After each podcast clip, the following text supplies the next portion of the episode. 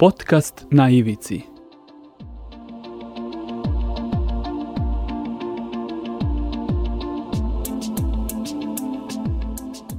Na ivici.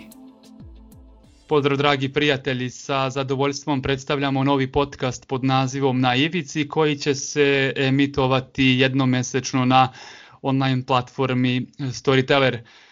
Moje ime je Miroslav Gašpar, a u vašem i našem podcastu ćemo se pokušati baviti manjinskim i marginalizovanim grupama u njihovom najširem smislu, a u prvoj epizodi podcasta pozdravljamo um, Roberta Kukučku, mladog čoveka poreklom iz Sremskog sela Lug, koji već nekoliko godina živi i radi u Slovačkoj republici. E, Roberte, srdačno te pozdravljam i e, zaista mi je zadovoljstvo, zadovoljstvo što te mogu hajde tako da kažem, ugostiti u podcastu na Ivici, evo makar i ovako putem uh, Skype aplikacije. Pozdrav i tebi, hvala što si me oslovio. Na samom početku bih želeo da kažem da se ti i ja poznajemo odrastali smo u istom mestu, išli smo u istu školu i, i tako dalje, ovaj, a tebe je život odveo u, u, u, u Slovačku. E, da li bih mogao da kažem, da se tako izrazim, da nisi ni ti odoleo, odnosno nisi uspeo da se odupreš ovom novom talasu iseljavanja ljudi kako iz Luga, tako i iz ostalih mesta u Vojvodini i u Srbiji? Pa definitivno nisam, kao što vidiš i kao što znaš. Ovaj, poznajemo se od malena, od detinstva i ovaj, jednostavno vreme i ekonomska situacija, politička situacija u državi me tako neku ruku naterala da razmislim o preseljenju i ovaj, umeđu vremenu sam se oženio i onda sam presekao, onda sam definitivno odlučio da se, da se preselim verovatno si imao u mladosti ovaj neke ambicije i planove koji su se eto na kraju realizovali na neki drugi način i u nekoj drugoj sredini. Da, da, da, naravno, kao i svako dete rođeno na selu, imao sam puno želja, međutim, vremenom sam shvatio da ih na selu neću ostvariti onako kako bih ja hteo, ali nisam odustao. Muzika mi je bila, na, na primjer, bitnija još od malih nogu, pa sam ostao u tom svetu od svoje neke šeste godine pa sve do adolescencije sam se bavio, aktivno sam svirao na klavijaturi. Pa onda, recimo od neke 12. godine sam počeo da formiram muzički ukus koji je naginjao ka elektronskoj muzici. Pa sam jednom prilikom saznao da postoji zanimanje zvano DJ ili ti disc jockey. Tada je u našem domu kulture bila aktivna omladinska organizacija, ako se sećaš, u koju sam eventualno bio pozvan od strane tadašnjih članova, što je za mene i ostali drugare sa kojima sam bio primljen bilo mnogo bitno u to vreme, jel? Tada sam počeo aktivno da se bavim DJingom, recimo od 15. pa sve do svoje 27. godine sam se time bavio. E, imao sam talenta kao i svako dete za nešto, Ima, ja sam imao, imao za sport, pogotovo atletiku i borilačke veštine međutim povreda kolena je zahtevala da se više bavim svojom drugom velikom ljubavlju, a to je bila elektrotehnika. Iz elektrotehnike je prelasao ljubav u kompjutere i informacijne tehnologije u kojoj sam do današnjeg dana.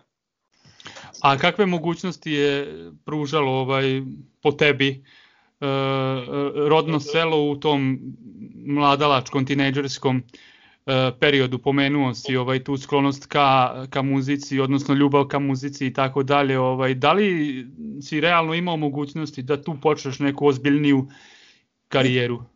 Uvek postoji mogućnost. Problem su bili uslovi kao i svugde. Ja sam imao relativno srećno detinstvo, rekao bih, i adolescenciju, zato što je tada generalno prevolađivalo mišljenje da će uvek negde biti posla, da Beočinska fabrika cementa nikada neće početi da otpušta radnike. Do neke 2004. godine tako i bilo, međutim došlo je vreme za privatizaciju i par godina posle početka privatizacije sam nekako negde znao već tada da neću živeti u Srbiji. U Lugu nije bilo uslova za neku ozbiljnu karijeru, to shvati svako ko živi na selu, naravno. Preselio sam se u Novi Sad, počeo da radim svoj prvi posao na internetu za američku kompaniju, u stvari su išli dosta dobro, na bolje.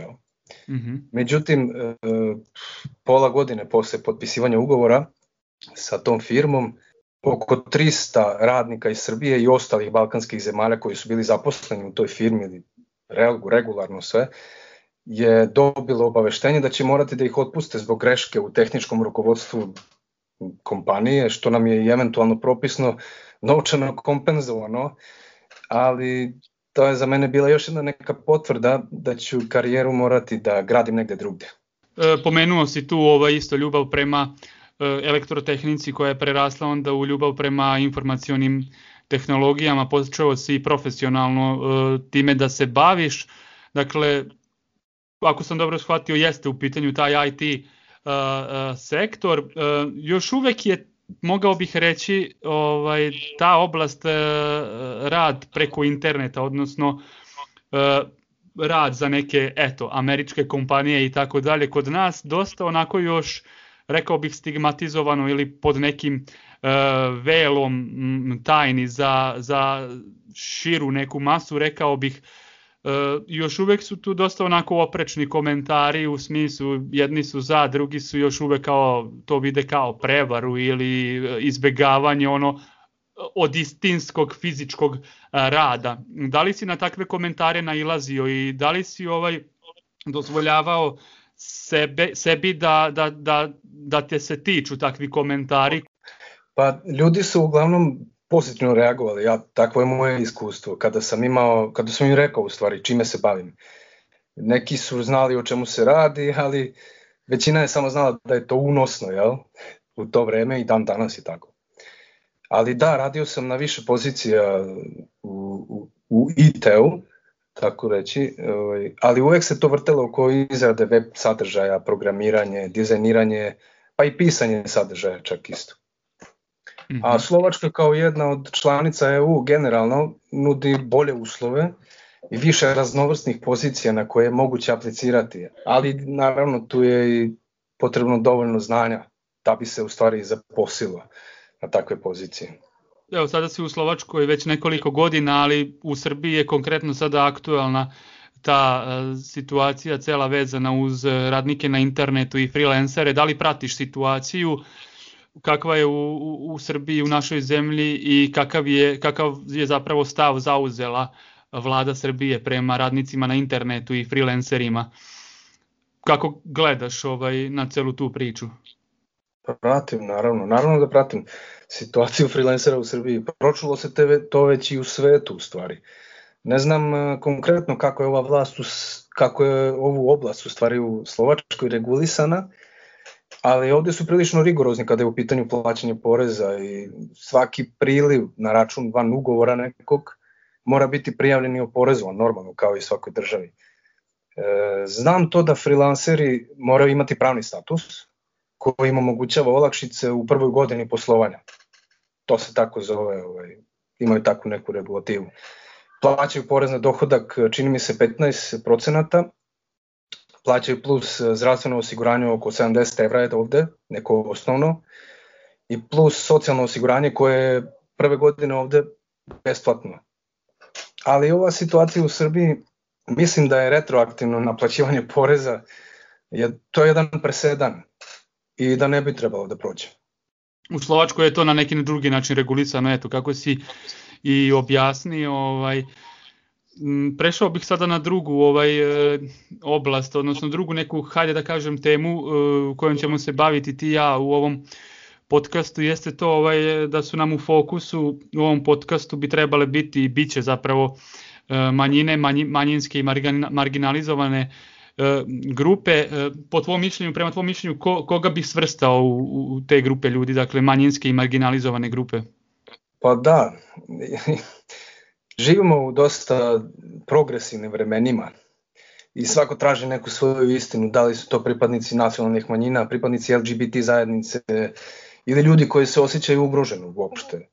Takvi ljudi bi trebalo da su jednaki pred zakonom, to je pod jedan, bez diskriminacije, što se svaka moderna država i trudi da bude, jel? ali diskriminaciju društva teško da će takvi pojedinci da izbegnu, jel? Pogotovo sada u eri interneta, socijalnih mreža i lažnih vesti, baš tim redosledom. Ali po meni veliki broj ljudi koji su marginalizovani, a na koje lako zaboravljamo, su samohrane majke i očevi, ekonomske izbeglice, ljudi u teškoj finansijskoj situaciji i naravno mentalno oboleli ljudi. Da li si se na neki način i u bilo kakvom obliku sreo sa nekom vrstom diskriminacije, da li zbog svoje nacionalne pripadnosti, da li zbog svojih nekih ubeđenja ili nečeg sličnog? Diskriminacije ne bih rekao baš. Bio sam svedok šikaniranja ili ti fizičkog obračuna pripadnika nacionalnih manjina, to bezbroj puta je bilo. Da, znam, ja to pripisujem neznanju, strahu, možda nesigurnosti osoba koje su vršile fizičko i mentalno zlostavljanje. E, mislim da, ako se dobro sećam, u aprilu 2004. tako nešto, je, jedan takav slučaj je opisao i Human Rights Watch. Oni su bili u Lugu kod nas, koji je istraživao veliki fizički sukob baš u selu. Ali posle tog incidenta kojem su prethodili bezbroj, dok sam bio ja tinejdžer, situacija se onako prilično smirila. I opet tu opet si, kako bih e, rekao, dobro si to opazio, po mom mišljenju takođe da to treba pripisati nekom neznanju ili strahu od to je samo ra različitosti. To je samo neznanje i edukacija fali puno. Na kraju si se ipak odlučio za odlazak iz zemlje. E, kako si sada i da li si sada zadovoljan svojim životom, sa svojom porodicom i sa uslovima koji, koji, ko, koje ti pruža novi dom? A, moj najveći motiv to za odlazak je definitivno stranačko zapošljavanje. To je ono jedina stvar koja mi je, mi je toliko smetala da sam zbog nje u stvari se odlučio na, na, na odlazak, na promenu prebivališta. Jel? Slovačka pruža dosta za nas iz Srbije, pogotovo ako, ako zna čovek jezik. Zadovoljno sam za životom ovde, ali mi smo ovde dosta sveži, imamo još planova za budućnost koje nismo još ostvarili. Definitivno, kad bi, ne znam, ne osjećam se ovde kao u Srbiji. I zato je, moja domovina je Srbija u stvari, tako će i ostati. Dotakao si se jedne dosta delikatne teme za koju zapravo kada je se i dotakneš moraš imati zapravo i dokaze za nju. Pretpostavljam da znaš na, na šta mislim na to stranačko zapošljavanje. Da, pa to je, to je rašireno u Srbiji. Ne znam, možda nije svugde isto. Nisam imao prilike da, da vidim kako je u drugim gradovima, recimo u drugim opštinama, ali rekao bih da da je to isto jedna od stvari koje ljude teraju iz zemlje. Zato što ako si nepodoban, e, ljudi koji neće prihvatiti tvoju filozofiju življenja, jednostavno će otići. Odustaće od borbe, jer ja sam se isto borio, ali od, ne znam, od svojih nekih 16-17 godina sam, ili od 18, ne znam kad, tačno može da se stupi u stranku, ali bio sam stran, stranački opredeljen, bio sam u stranci zato što sam mislio da ću nešto politiku da promenim. Međutim, kada sam shvatio kako politika, politika funkcioniše, to je isto bio jedan od momenta kada sam shvatio u stvari da, da nema tu neke budućnosti za mene za nekih 10 godina, pa sam to je bio samo jedan pokretač za dešavanje dalje, koje me je dovelo u stvari da se preselim. A u drugim državama toga nema ili? Ovde, na primjer, u Slovačkoj toga nema. Mm -hmm. Sa 100% Barem... sigurnošću tvrdiš? Ne, ne sa 100% sigurnošću, ali ja se nisam susreo. Znači, bukvalno gde god sam konkurisao na posao, nikakve uslove mi niko nije davao, niti na, na ugovor, niti van ugovora, sve je bilo profesionalno, sve je bilo realno, korektno, ne znam, eto, ja imam takve, ne znam, kažem, ja imam takve ovaj, Pa eto, onda prema podacima, želeo bih to da, da pomenemo u ovom podcastu, prema podacima istraživanja ovaj, krovne organizacije mladih Srbije iz 2019. godine, čak 64% mladih ljudi je u anketi navelo da, da želi da ode iz Srbije. Ovaj, šta je prema tvom mišljenju ovaj, su glavni razlozi za to? Da li si već većim delom na, na ovo pitanje i odgovorio ili je još nešto tu što bi trebalo da se napomene? Mislim da je više razloga u pitanju, ali svako ima svoj neki koji, koji će da preseče u stvari u toj odluci. Ali mi smo narod e, koji je godinama trpeo svakakve manipulacije, teškoće. Mislim da je ljudima jednostavno dosta borbe, odustaju i odlaze u neke uređenije države. Niko se olako u stvari ne odlučuje za takav potez. Ja sam, e, verujem kao i svako drugi, izvagao sve pozitivne i negativne strane života u drugoj državi i pre nego što sam odlučio da dođem. Jer jednom stranac je uvek stranac, a neko sa tom činjenicom jednostavno ne može da, ne može da se pomiri. E pa tu smo onda ovaj, na neki način sam hteo ovo da te pitam, E, imao sam prilike da pričam e, sa Slovacima iz Srbije koji su otišli u Slovačku, da li iz eto, Luga, da li iz nekih drugih mesta u Vojvodini i ovaj u razgovoru sa njima nisam mm, došao do toga da zapravo se oni nešto tu sad žale na neke uslove za život, rad, na diskriminaciju ili nešto slično, samo su bili onako neprijatno iznenađeni time što ih e, Slovaci i Slovačke nazivaju e, Srbima. E, pod tim neprijatno iznenađeni ne mislim, ne aludiram na ništa apsolutno loše, nego hoću da kažem to da se Slovaci iz Vojvodine i Srbije osjećaju kao Slovaci, je tako? Ovaj, međutim, iznenadilo ih je pretpostavljeno to što su manjina nacionalna u Srbiji, a i manjina u Slovačkoj. Da li je tako iz tvog iskustva i da li, da li zaista dolazi do toga? Pa da, dolazi, ali to je rekao bih individualno iskustvo, svako ima drugačije. Kako kada, ljudi ode u Slovačkoj nisu obavešteni, a neki čak ni ne mogu da shvate da u drugim državama žive pripadnici etničkih manjina njihovih naroda, na primer. Makoliko puta ja sam pokušavao sa nekim ljudima da, pokušavao sam da im objasnim nekako im taj, taj koncept nije blizak, pa im je onda jednostavnije da nazovu Srbima, što meni iskreno ne smeta uopšte. Naravno, postoje pojedinci koji odmah po naglasku već znaju da sam Slovak iz inostranstva. Pitaju odmah da li sam iz Bačkog Petrovca ili slično, to su obično obrazovani ljudi ili, ili stariji. A kako onda objašnjavamo to, ovaj, kako to da Slovaci u Slovačkoj zapravo ne znaju o tome da, da u Vojvodini, odnosno van granica Slovačke republike u Srbiji živi još uvek e, veliki broj pripadnika slovačkog naroda. Da li se, da li ne znam, da li si eto, ovaj, imao u, u njihov obrazovni sistem, da li se uopšte posvećuje pažnja Slovacima u dijaspori? Pa ja bih rekao da ne, s obzirom na moje iskustvo, jel? i to ne samo moje. Ovaj, konkretno ovo što sam ti ispričao, to je bilo uh, iskustvo moje supruge. Ali ovaj, ja mislim da jednostavno ne uče o tome. I ako imaju to u kurikulumu, uh, ne verujem da nešto posebno o tome uče i da pripominju i da pričaju ne, o tome. Eto sad je nedavno čak zapravo tek nedavno je u stvari počela neka promocija nekih Slovaka iz, iz ovaj, drugih država koji žive u drugim državama, jel? kao etničke manjine.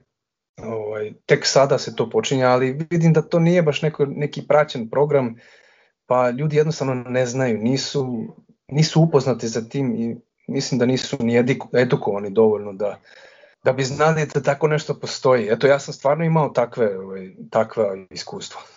Ali Ljudi... znaš šta, opet ja sam iznenađen time što recimo ja, e, sasvim ti je logično i prirodno i prihvatljivo i kako bih rekao ovaj, da postoje ne znam Slovaci u Americi ili u Kanadi ili u Australiji ili u Francuskoj i Velikoj Britaniji, a iznenadiš se kada čuješ da ono postoje Slovaci 300 godina već žive i održavaju svoju tradiciju u Vojvodini, u Srbiji koja je ono 500 km otprilike od granica Slovačke.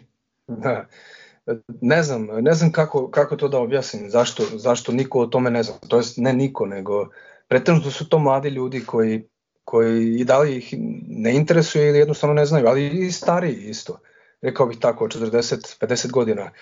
Jedino ovi mnogo stariji, recimo 60 godina ljudi, 60-godišnjaci, oni znaju, jer jednostavno učili su o tome ili mogu da prihvate taj, taj koncept da tako nešto postoji. I oni, mm kažem, generalno 90% slučajeva kada kažem nekome odakle sam i ko sam, oni ne mogu da veruju. ne mogu da da shvate. Pa evo, pre neki dan isto se pojavilo ovaj, i informacija da je ja ću sada dozvoliti sebi da urat pre Slovaka o Živucih zahraniči preveden kao e, kancelariju za Slovake u dijaspori. Milan Jan Pilip je pozvao Slovake koji žive van granica Slovačke da se uključe u ovaj e, e, popis stanovništva i mhm. ovaj e, takođe je tu jedna od značajnijih njegovih izjava jeste to na ko, koji zapravo koje mogućnosti pruža dokaz da si Slovak koji živi u, u, u mhm. dijaspori. Konkretno, ovaj, taj dokument je potreban samo kada u policiji treba da predaš dokumenta za izradu vize. To je jedini razlog zašto ga imam. I drugi razlog je taj što koji je različit, na primjer, od, od ostalih koji dolaze iz Srbije, e, što ne moram, na primjer, čekati da bi predali zahtev za državljanstvo 5 godina, kao Već svi tri. ostali, nego možemo tri. Možemo posle tri da, da predamo zahtev. Eto, to je, koliko sam ja upoznat, jedina, jedina prednost nas Slovaka iz Srbije od Srba iz Srbije. Prilikom ovaj čitanja ovaj samog tog teksta i tih izjava naišao sam i na komentare na socijalnim mrežama gde ljudi kažu da ovaj da bi uh, taj proces možda čak mogao i da se dodatno ubrza i ljudi predlažu prosto da Slovačka republika građanima koji, odnosno Slovacima koji omogući na primer da uh, bez čekanja zapravo dobiju državljanstvo, nešto slično kao što je i Mađarska uh, nudila uh, i nudi uh, pripadnicima na, mađarske nacionalne manjine u Vojvodini. Nisam znao za to, nisam znao za to, to je dobra inicijativa. A, pa vidjet ćemo kako će to biti. Tu se sve vrti u stvari oko ekonomije, ja bih rekao. Jer e, niko ovde nije došao, to svi znamo, svojevoljno, jel? Otprilike ima, ima, ima naravno i, i studenta koji su ovde i žele tu da ostanu i sve to u redu, ali uglavnom ljudi dolaze i Slovaci i Srbi i Mađari i ostali svi dolaze zbog ekonomskih razloga. Kada bi se ta inicijativa, kada bi to prošlo, mislim da bi to bilo pozitivno za Slovačku republiku, zato što bi imala e, više radnika koji bi imali veće beneficije u smislu uzimanja kredita, hipoteka, svakakvih ostalih stvari koje bi doprinele u stvari njihovom ekonomskom razvoju daljem. Tako da mm -hmm. mislim da samo nije posvećeno dovoljno pažnja za tako neko pitanje. Nedavno sam takođe pročito, meni je to bio isto dosta interesantan podatak da je e, od bivših e, socijalističkih država, a danas članica Europske unije, e, Češka na, na najvišem nivou i da je zapravo na 95% potencijala i ovaj nivoa zapadnih ekonomija, dok je Slovenija na nekih 80% E, zapadnih zemalja i zapravo se tu na neki način stavlja tačka ostale zemlje iz tog nekog nekadašnjeg varšavskog bloka, da. jel? E, Slovačka kao bivša e, su država Čehoslovačke, Rumunija, Bugarska, Mađarska, Poljska i tako dalje se tu ne pominju, odnosno pominju se da su još uvek na tom nekom E, dosta nižem nivou, a opet s druge strane ti govoriš da zaista Slovačka mladim ljudima na tom nekom e, profesionalnom planu pruža dobre mogućnosti. Da, to je onako malo nelogično, jel? ali da, ja, e, ja imam takva iskustva. E sad, Slovačka je, bi mogla mnogo više, mogla bi da se, ne znam, da pogleda malo na Čehe, jel? i da se, ne znam, ne znam zašto je to tako, ali kažem, takvo je moje iskustvo jednostavno. Uh, ovde posao uvek, posla uvek ima, ali standard jeste niži od ostalih zemalja EU. To je definitivno, to ja znam i to zna svako ko radi ovde. Zato, zato i A našim... da li upoređuješ onda te uslove sa uslovima u Srbiji? Opet se vraćamo na tu neku paralelu. Upoređujem, da. Zato sam i ovde, jel? Kada, kada sam uporedio, kada sam video u stvari, pošto moji su svi bili ovde, kad sam ja došao, roditelji, kad sam uporedio, kad sam izvagao u stvari sve te negativne, pozitivne strane, rešio sam da dođem, baš zbog toga, ovaj, što jednostavno ovde je, rekao bih, socijalna sigurnost bolja, zdravstveno osiguranje je bolje od Srbije i ekonomska isto, ekonomska strana je isto bolja, bez obzira što je Slovačka najgora po lestvici u Europskoj uniji po razvoju nekom, rekao bih da je Rumunija, ali nisam siguran. Ali eto, ljudi i dalje dolaze, ljudi i dalje rade, sviđa im se ovde, cele, cele familije tu, čak i etnički čisti Srbi ovde žive i rade normalno, šalju svoje decu u školu, Slovačku, jel? Tako da, mislim da ipak nije sve čak možda ni u parama.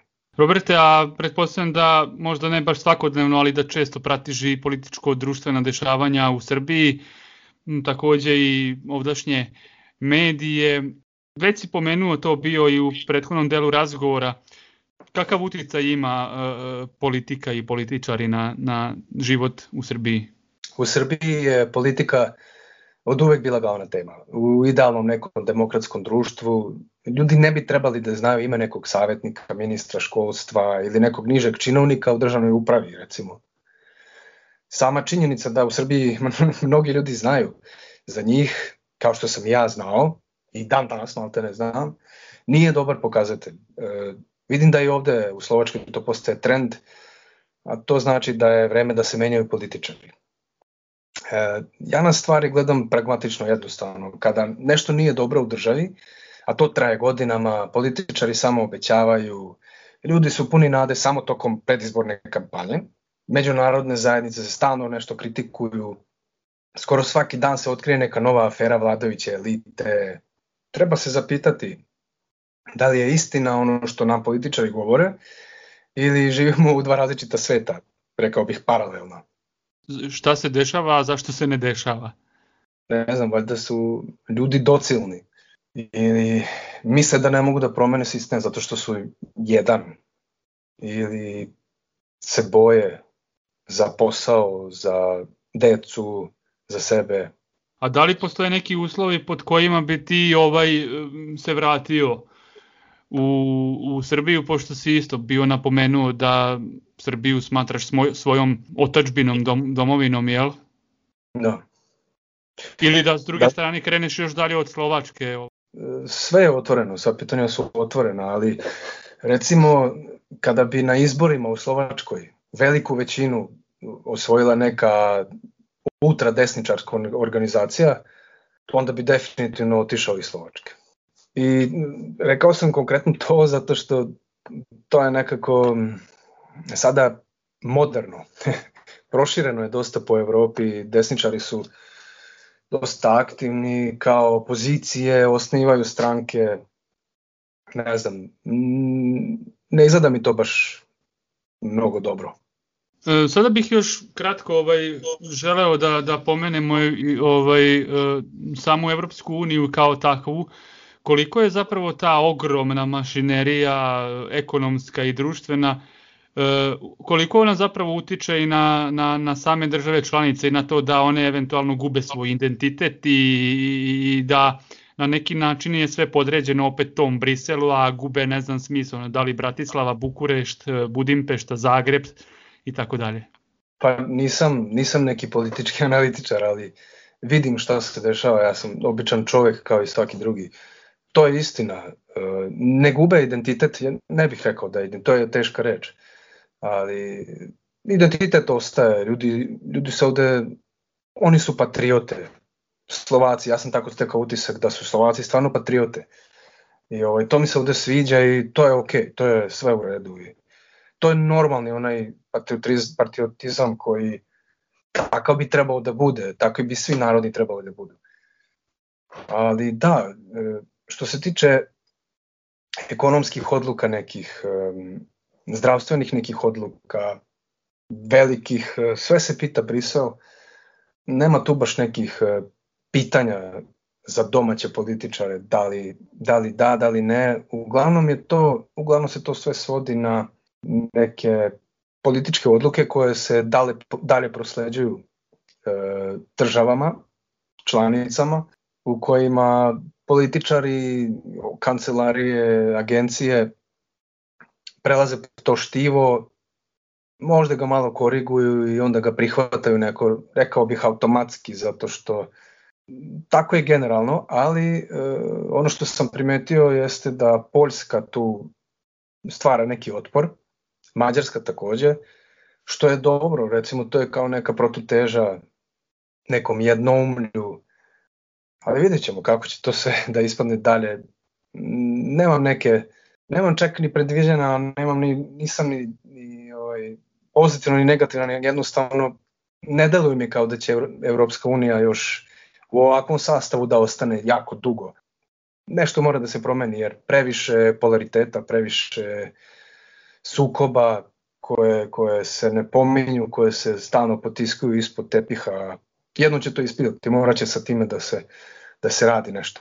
Pa eto, evo, recimo Velika Britanija je već izašla iz Evropske unije, neke države svim silama, hajde tako da kažem, teže ovoj ogromnoj organizaciji. Kako onda gledaš na e, budućnost u Srbiji? Tu mislim i na e, ekonomsku situaciju, na medije, na situaciju vezanu iz izbore i slično. Pa uglavnom sam optimističan. Moraš da budeš, jer alternativa je dosta sumorna. Ono u što sam siguran jeste da budućnost pripada tehnokratama. Sve indikuje da će tako biti. Ulazimo u tehnokratsku eru ona može biti dobra za nas, ali dosadašnja demonstracija tehnološke birokratije ne sluti na ništa pozitivno. Bojim se da ćemo se odreći svih sloboda zarad nekog lažnog osjećaja sigurnosti, što se već dešava polako. ali stići će to i do Srbije, to sasvim siguran sam u to. Krenut će to u tom smeru. Jel? Globalizacija nas neće zaobići, ali ono što me održava pozitivnim jeste duh ljudi koji će konačno odbaciti svoje okove, preuzeti sredstva proizvodnje u svoje ruke i zahtevati pristojan život za sve ljude. Nešto mi ovo liči na, na neke parole nekih bivših vremena. Jel da? Ne znam, nisam za ta bivša vremena, ali jesam za parolu. Jer mislim da je ispravna parola, ali sistem je bio loše podešan. Hajde onda da, da nekako u ovom Mm, kako si sam rekao, nekom optimističnom e, duhu i e, zaključimo ovaj razgovor.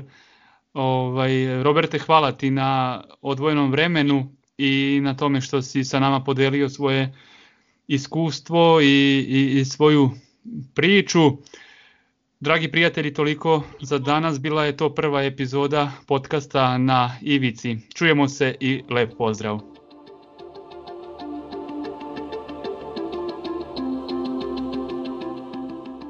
Podcast na ivici.